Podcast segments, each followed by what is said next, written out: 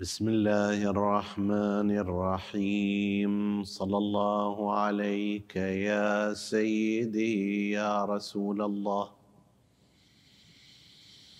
صلى الله عليك وعلى ابن عمك أمير المؤمنين وعلى أهل بيتك الطاهرين. صلى الله عليك يا سيدي ويا مولاي يا أبا عبد الله الحسين. ما خاب من تمسك بكم وأمن من لجأ إليكم. يا ليتنا كنا معكم فنفوز فوزا عظيما. راحل أنت والليالي نزول ومضر بك البقاء الطويل. لا شجاع يبقى فيعتنق البيض ولا آمل ولا مأمول.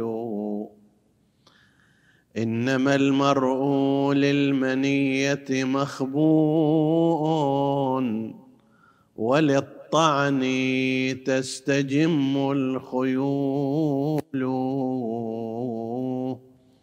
والليالي عون عليك مع البين كما ساعد الذوابل طول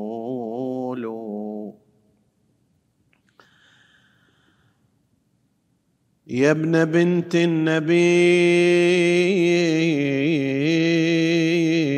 يا أبا عبد الله يا ابن بنت النبي ضيعت العهد رجال.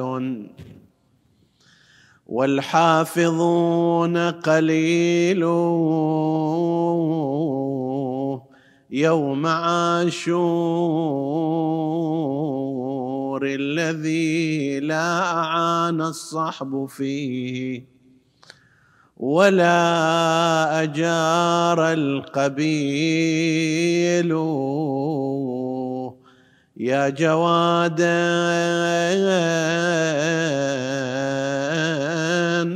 أدمى الجواد من الطعن وولى ونحره مبلول. يا غريب الديار صبري غريب. وقتيل الأعداء نومي قتيل. أتراني ألذ ماء ولما يروى من مهجة الإمام الغليل.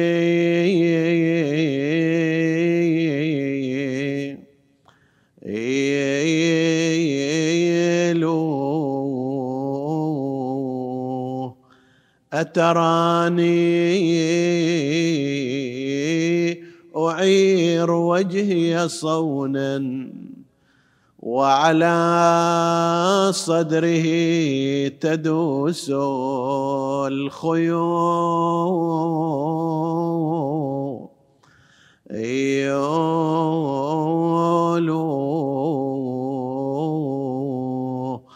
قبلته الرماح وانتظلت فيه المنايا وعانقته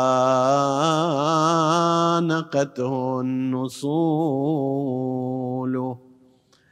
لكنما الأمر لله لا حول ولا قوة إلا بالله العلي العظيم. إنا لله وإنا إليه راجعون وسيعلم الذين ظلموا اي منقلب ينقلبون والعاقبه للمتقين عطروا مجالسكم بذكر محمد وآل محمد. اللهم صل على محمد وآل محمد. اللهم صل على محمد وآل محمد. اللهم صل على محمد وآل محمد. حديثنا هذه الليلة يتناول بعض سيرة أحد شعراء أهل البيت عليهم السلام وشعراء الحسين على وجه الخصوص. ونحن عندما نتحدث عن هؤلاء بالإضافة إلى أننا نسعى لإزالة ما ذكره بعضهم من التهم الجاهزة لهم من غير أتباع هذه المدرسة فهم مثلا عندما يتكلمون عن دعبل الخزاعي الذي ذكرنا شيئا من سيرته يصورونه شخصا هجاء يمارس الهجاء بالنسبة إلى الآخرين ويستشهدون على ذلك مثلا بما قاله في هارون العباسي أو المأمون أو المعتصم العباسي والحال أن مثل هذه الأشعار في هؤلاء كانت جزءا من موقفه الإيماني فهو من جهة يمدح أئمة الهدى ويرثيهم ومن جهة أخرى يثرب أولئك وينتقدهم ويذكر مظالمهم.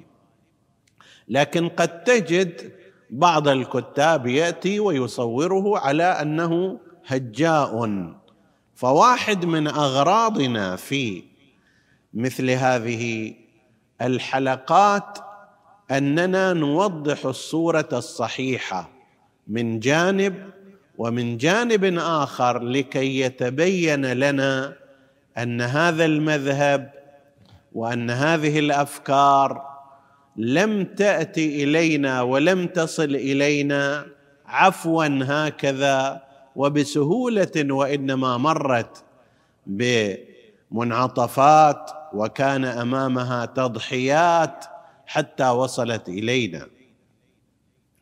من هؤلاء الشعراء المتميزين في رثاء الحسين عليه السلام والذي نقلنا قسما من قصيدته اللامية في رثاء الحسين.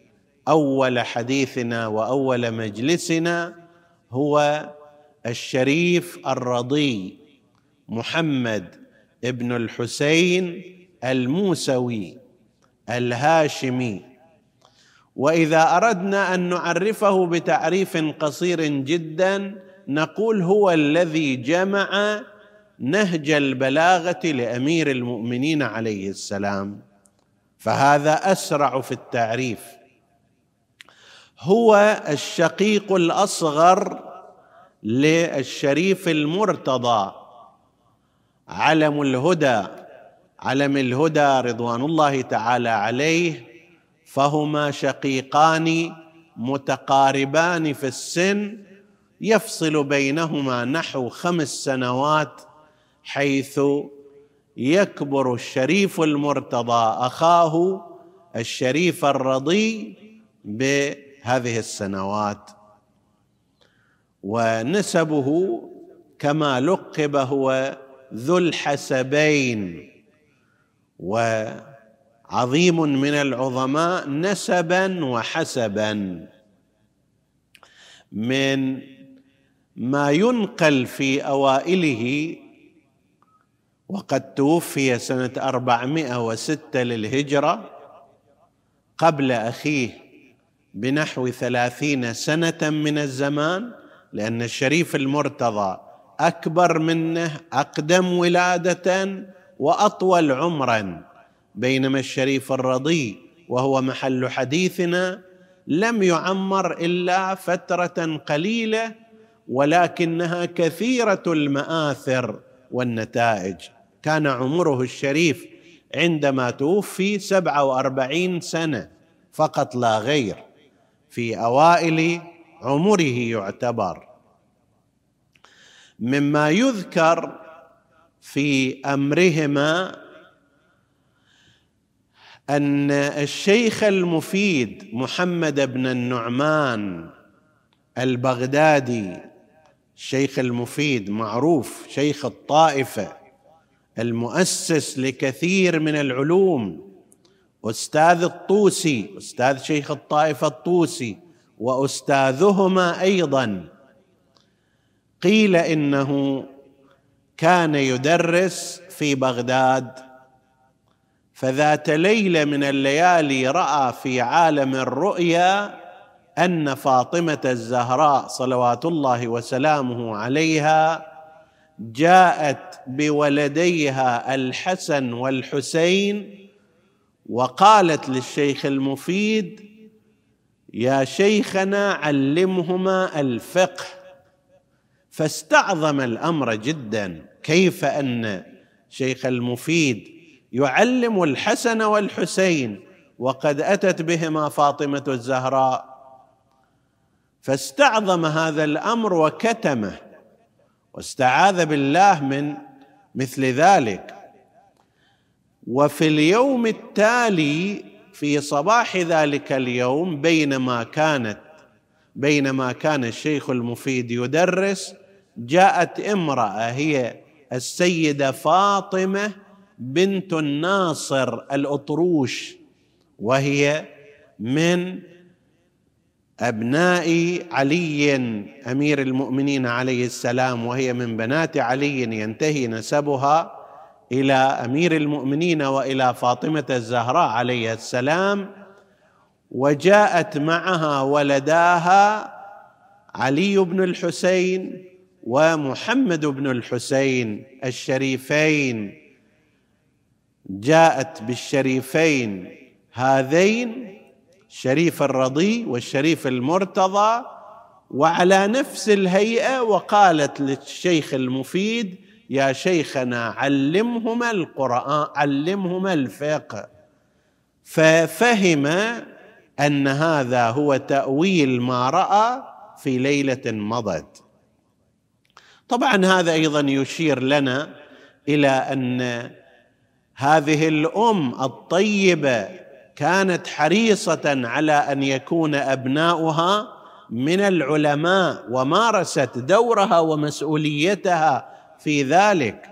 ولم تكتفي بأن مثلا والدهما وهو سيد السيد سيد النقباء الطالبيين وكان له شخصية مهمة جدا.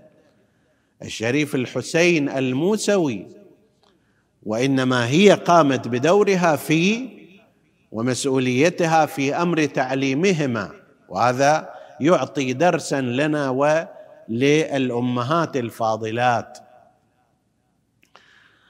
وكان من ذلك بداية هذين العلمين الكبيرين في بغداد فبرز وبرع الشريفان في فنون مختلفة من العلم.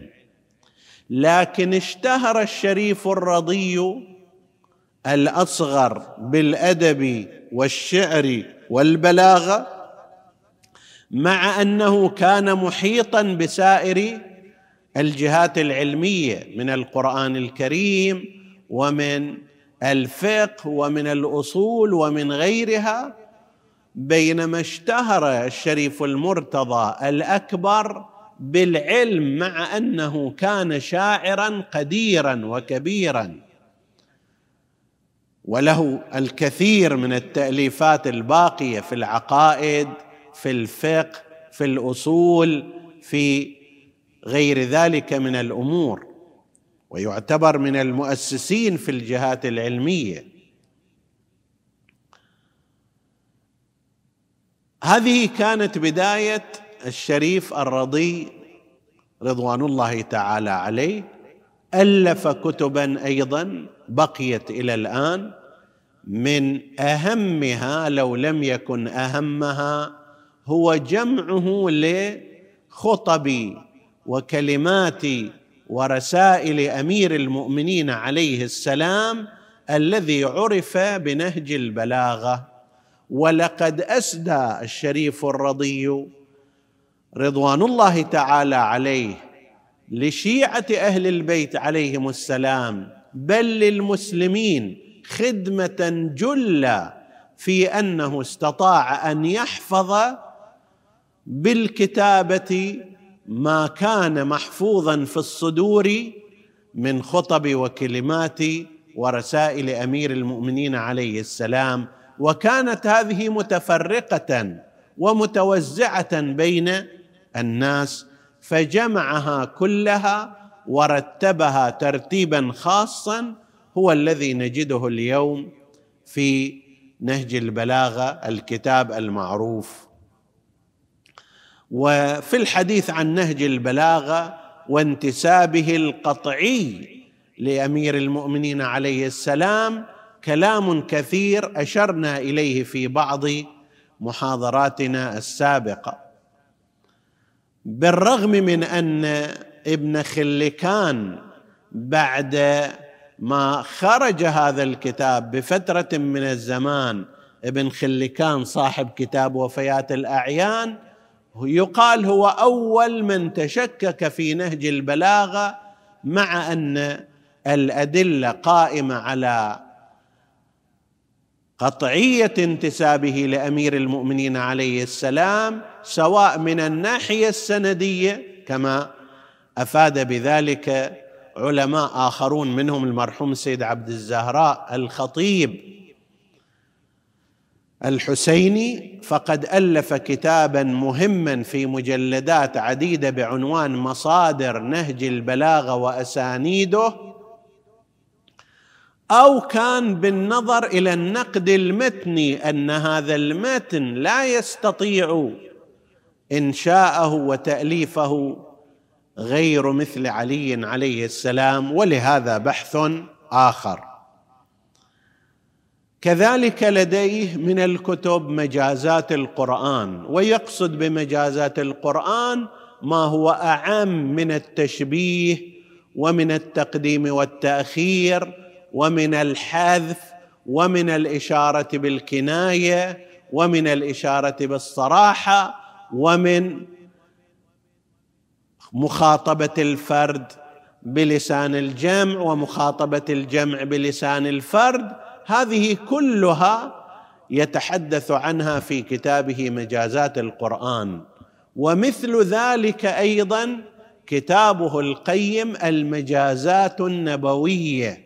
حيث تتبع أحاديث رسول الله صلى الله عليه وآله أيضا ولاحظ فيها الجهات البلاغية وجهات التشبيه والمجاز والكناية وغير ذلك من الأمور. وكذلك أيضا كان له كتاب خصائص الأئمة. أمير المؤمنين عليه السلام وأئمة الهدى صلوات الله وسلامه عليهم وله أيضا عدد من الكتب فيما يرتبط بالشعر والبلاغة وانتخاب بعض الشعر من شعراء متقدمين عليه. واشتهر وبرع الشريف الرضي في هذا الجانب بحيث قيل إنه لو كان قد ولد في نفس أيام المتنبي لأنه ولد بعده بعدة سنوات بعد وفاته بعدة سنوات. قيل إنه لو ولد معه أو في زمانه ربما لغطى شعره على شعر المتنبي وايا كان فإنه كان شاعرا في الدرجة الأولى وقد وجه قسما كبيرا من شعره لجوانب العقيدة ومن ذلك ربط الناس بأئمة الهدى عليهم السلام ورثاء الحسين صلوات الله وسلامه عليه. في زمانه كانت الدولة العباسية والخلافة العباسية في حالة من الضعف فلم يكن لها اسم فلم يكن لها شيء حقيقي تقريبا إلا الاسم الرمزي.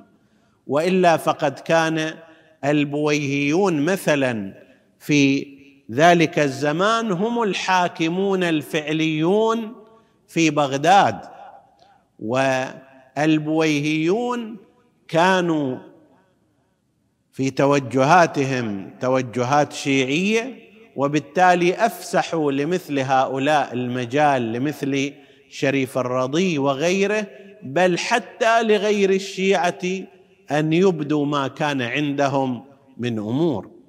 شريف الرضي في زمانه استلم نقابة الطالبيين من والده الشريف الحسين الموسوي كان على رأس نقابة الطالبيين وهي مؤسسة في ذلك الوقت كانت تعنى بشؤون الأسرة الطالبية أبناء أبي طالب وأحفاده تعنى بشؤونهم وتوثق أنسابهم وتعين المحتاج منهم وإذا صدر من بعضهم شيء لا لا يناسب شرفهم ونسبهم. كانوا يذهبون إليه من نقابة الطالبيين وينصحونه حتى يلتزم جادة أجداده الطاهرين.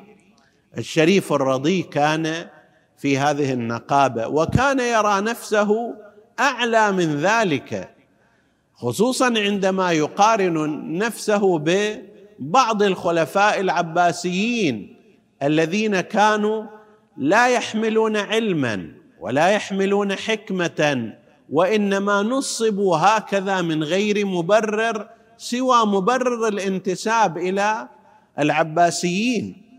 حتى إنه نقل أنه في أحد جلساته مع الطائع العباسي خليفة كان في وقته كان يمسح على أي الشريف الرضي كان يمسح على لحيته فقال له الطائع العباسي كأنك ترى فيها رائحة الخلافة تشم فيها رائحة الخلافة هذه اللحية.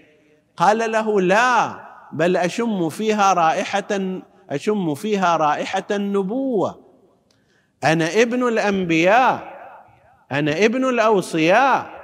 لا يشرفني الخلافه وإنما أنا من تلك الذرية التي التي بعث فيها الأنبياء ومنها الأنبياء وبعث منها الأئمة المعصومون عليه عليهم السلام.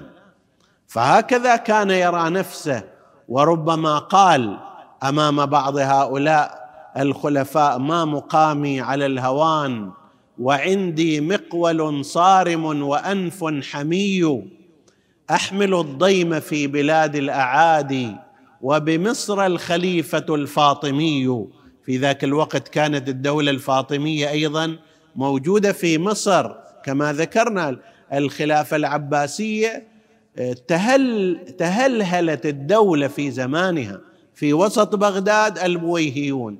في مصر وبلاد المغرب العربي كان الفاطميون وفي أطراف حلب كان الحمدانيون وهكذا. فهذه الدولة كانت قد تفتتت وتمزقت لأنها لم تكن تملك مبررات الوجود لا من جهة شرعية دينية ولا من جهة انتخاب شعبي أو كفاءة خلفاء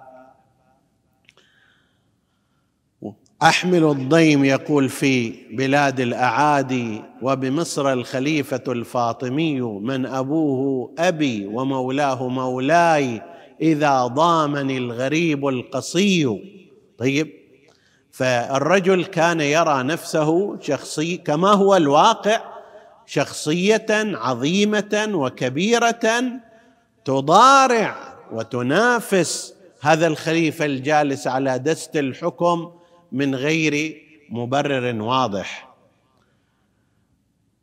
الشريف الرضي رحمه الله كما ذكرنا بالإضافة إلى علمه ومعارفه وتأليفاته كان له هذا الوزن السياسي المتقدم وكان عنده أيضا توجه خاص يتحرق الما لمصيبة الحسين صلوات الله وسلامه عليه ومصائب أهل البيت. فمن ذلك ما أنشده وأنشأه في الحسين مما قرأناه في أول المجلس راحل أنت والليالي نزول ومضر بك البقاء الطويل لا شجاع يبقى فيعتنق البيض ولا آمل ولا مأمول إلى أن يقول يا غريب الديار صبري غريب وقتيل الأعداء نومي قتيل أتراني ألذ ماء ولما كأنما يذكر الإنسان بأن الإنسان المؤمن لا يلتذ بالماء إلا إذا ذكر الحسين عليه السلام وإلا فمقتضى المساواة هو هذا. أتراني ألذ ماء ولما يروى من مهجة الإمام الغليل؟ أتراني أعير وجهي صونا؟ أصون وجهي عن الأذى؟ أصون وجهي عن ما يصل إليه؟ والحال أن على صدر الحسين عليه السلام وعلى صدره أو على وجهه تجول الخيول قبلته الرماح وانتضلت فيه المنايا وعانقته النصول. في موضع آخر في قصيدته الرائية التي تذوب رقة وفيها من التشبيهات صور استثنائية في قضية الحسين عليه السلام. يقول عن الحسين وخر للموت لا كف تقلبه إلا بوطء من الجرد المحاضير كأنما يعقد صلة بين المتوفى الذي يغسل لا بد أن يأتي الغاسل ويقلبه على اليمين أو الشمال حتى يريق عليه ماء التغسيل. يقول الحسين عليه السلام خر للموت لكن لا توجد هناك كف تقلبه حتى يغسل إلا بوطء من الجرد المحاضير.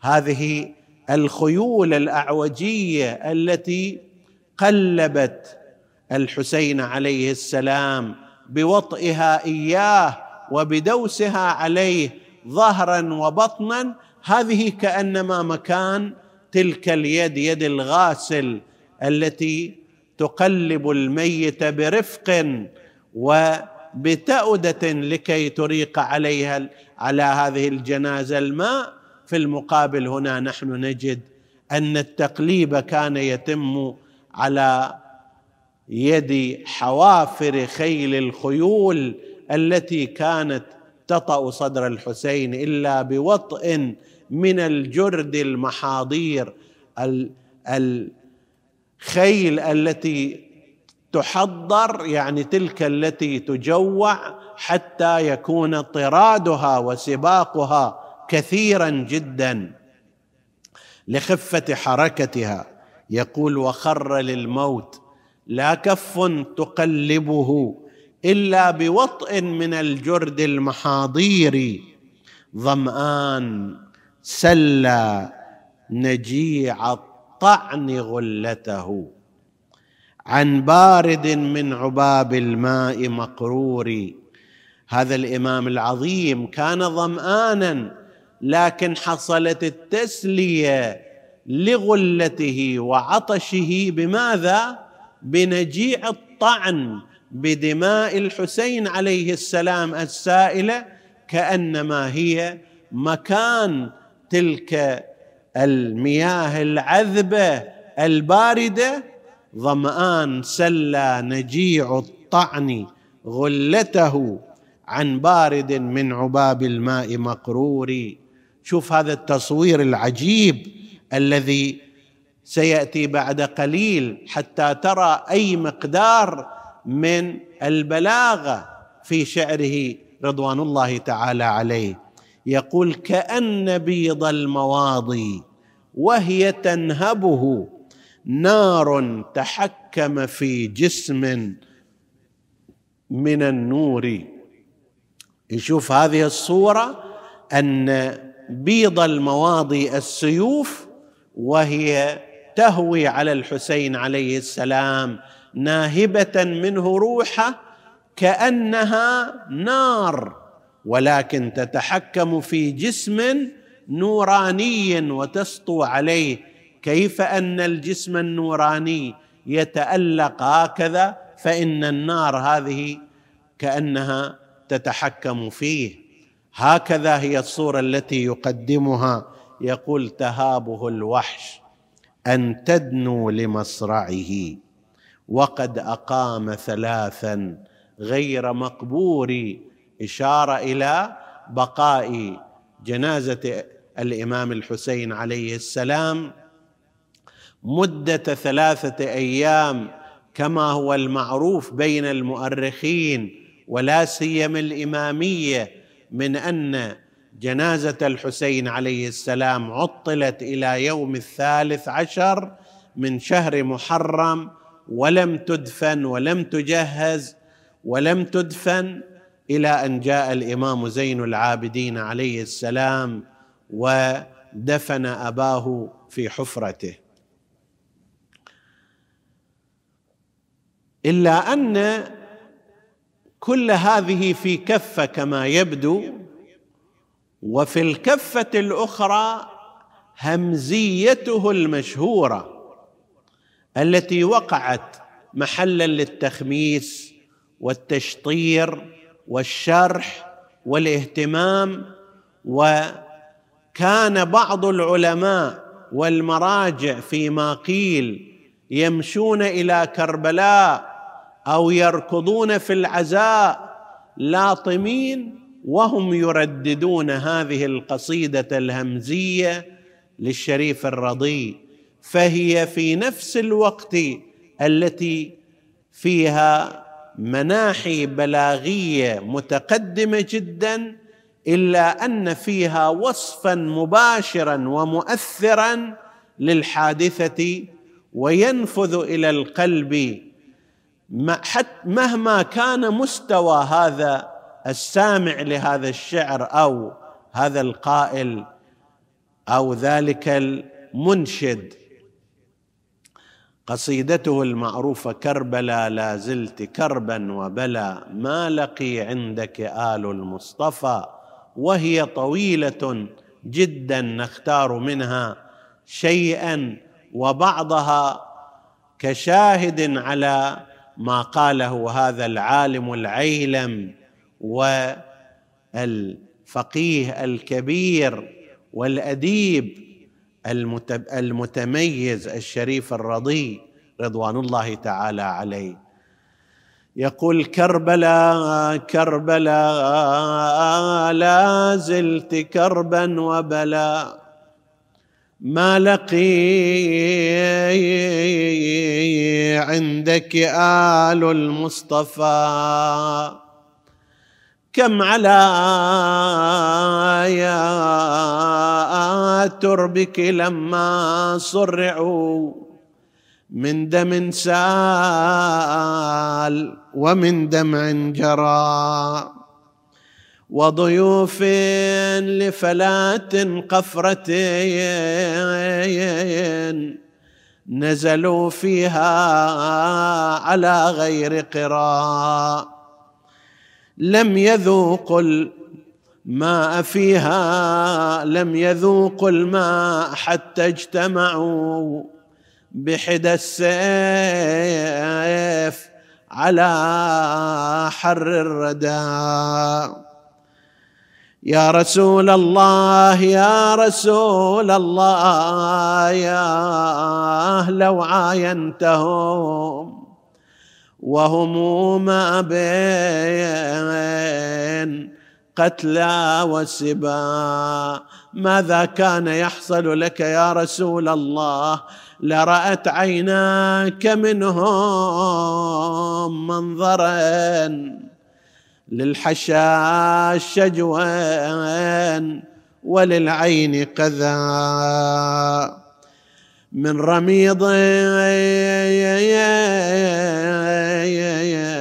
يمنع الظل تلك الأطفال التي تمشي في الرمضاء مع حرارة الشمس يقال لهم رميض وهؤلاء يمنعون من الظلال يمنعون من الفي. من رميض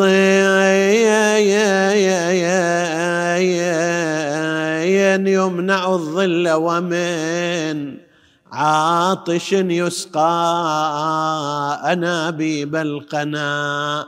لاحظ أيها المؤمن هناك يمنع الظل وهنا يسقى ولكن ماذا يسقى؟ يسقى أنابيب القنا والرماح كأنه يشير إلى ما سقاه حرمله.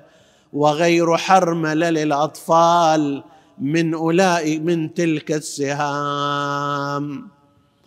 يا ويل قتلوه بعد علم منهم أنه خامس أصحاب الكسى غسلوه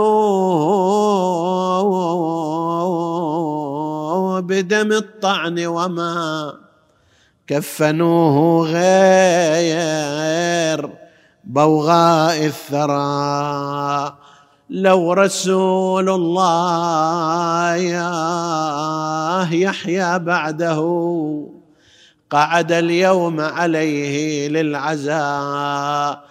ثم يخاطب يا رسول الله يا يا فاطمة يا أمير المؤمنين المرتضى عظم الله لك الأجر بمن كظ أحشاه الظما حتى قضى. هذه القصيدة هذه الأشعار فيها إشارات إلى مواضع مختلفة منها وضيوف لفلات قفرة نزلوا فيها على غير قراء كأنها تشير إلى يوم نزولهم في كربلاء ويوم خروجهم. ويوم الأربعين. وأما غسلوه بدم الطعن وما كفنوه غير بوغاء الثرى ونداؤه لرسول الله ولأمير المؤمنين ولفاطمة كأنه يتمثل في ذلك موقف العقيلة زينب. صلوات الله وسلامه عليها عندما رأت جنازة أخيها الحسين. سلام الله عليه معطلة ولم يأت إليها أحد لدفنها. توجهت جهة المدينة نادت يا جداه يا رسول الله. صلى عليك مليك السماء. هذا حسينك بالعرايا محزوز الرأس من القفا مسلوب العمامة والرداء وبناتك سبايا. وإلى الله المشتكى. يا جدي ما تمحد وقاف دونه آه آه ولا نغاير غمض له عيونه. آه آه يعالج يعالج بالشمس من خطيف لونه آه آه آه ولا واحد بحلقه ما يقطر عندما لم تجد جوابا من جهة المدينة وجهت وجهها جهة الغريب قم يا علي فماذا القعود وما عهدي تغض علي؟ الأقذاء أجفانا وانهض لعلك من أسرين. أضر بنا تفكنا وتولى ديفن قتلايانا. آه عجل يا داح الباب وينك يا ولينا؟ يا مغسل الهادي النبي جهز ولين. يا مجهز الزهرة البتول بوسطة الليل من عاينت منها الضليع ظل دمعك يسيل. جهز أجساد الرضضوها بحافر الخيل. بدوس العوادي جسم أخويا راضينه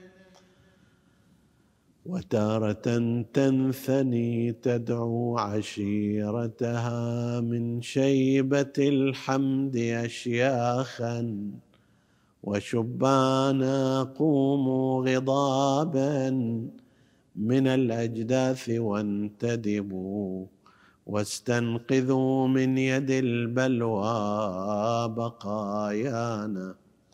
نسألك اللهم وندعوك باسمك العظيم الأعظم الاعز الأجل الأكرم. يا الله اغفر لنا ذنوبنا كفر عنا سيئاتنا. آمنا في أوطاننا لا تسلط علينا من لا يخافك ولا يرحمنا. ولا تفرق بيننا وبين محمد وآله طرفة عين. احفظ اللهم إخواني السامعين فردا فردا واقض حوائجهم. اشف اللهم مرضاهم. لا سيما المرضى المنظورين ومن أوصانا بالدعاء. اللهم اشفهم بشفائك وداوهم بدوائك وعافهم من بلائك وتقبل اللهم عمل المؤسسين بأحسن القبول إلى أرواح موتاهم وموتى السامعين نهدي ثواب الفاتحة تسبقها الصلوات.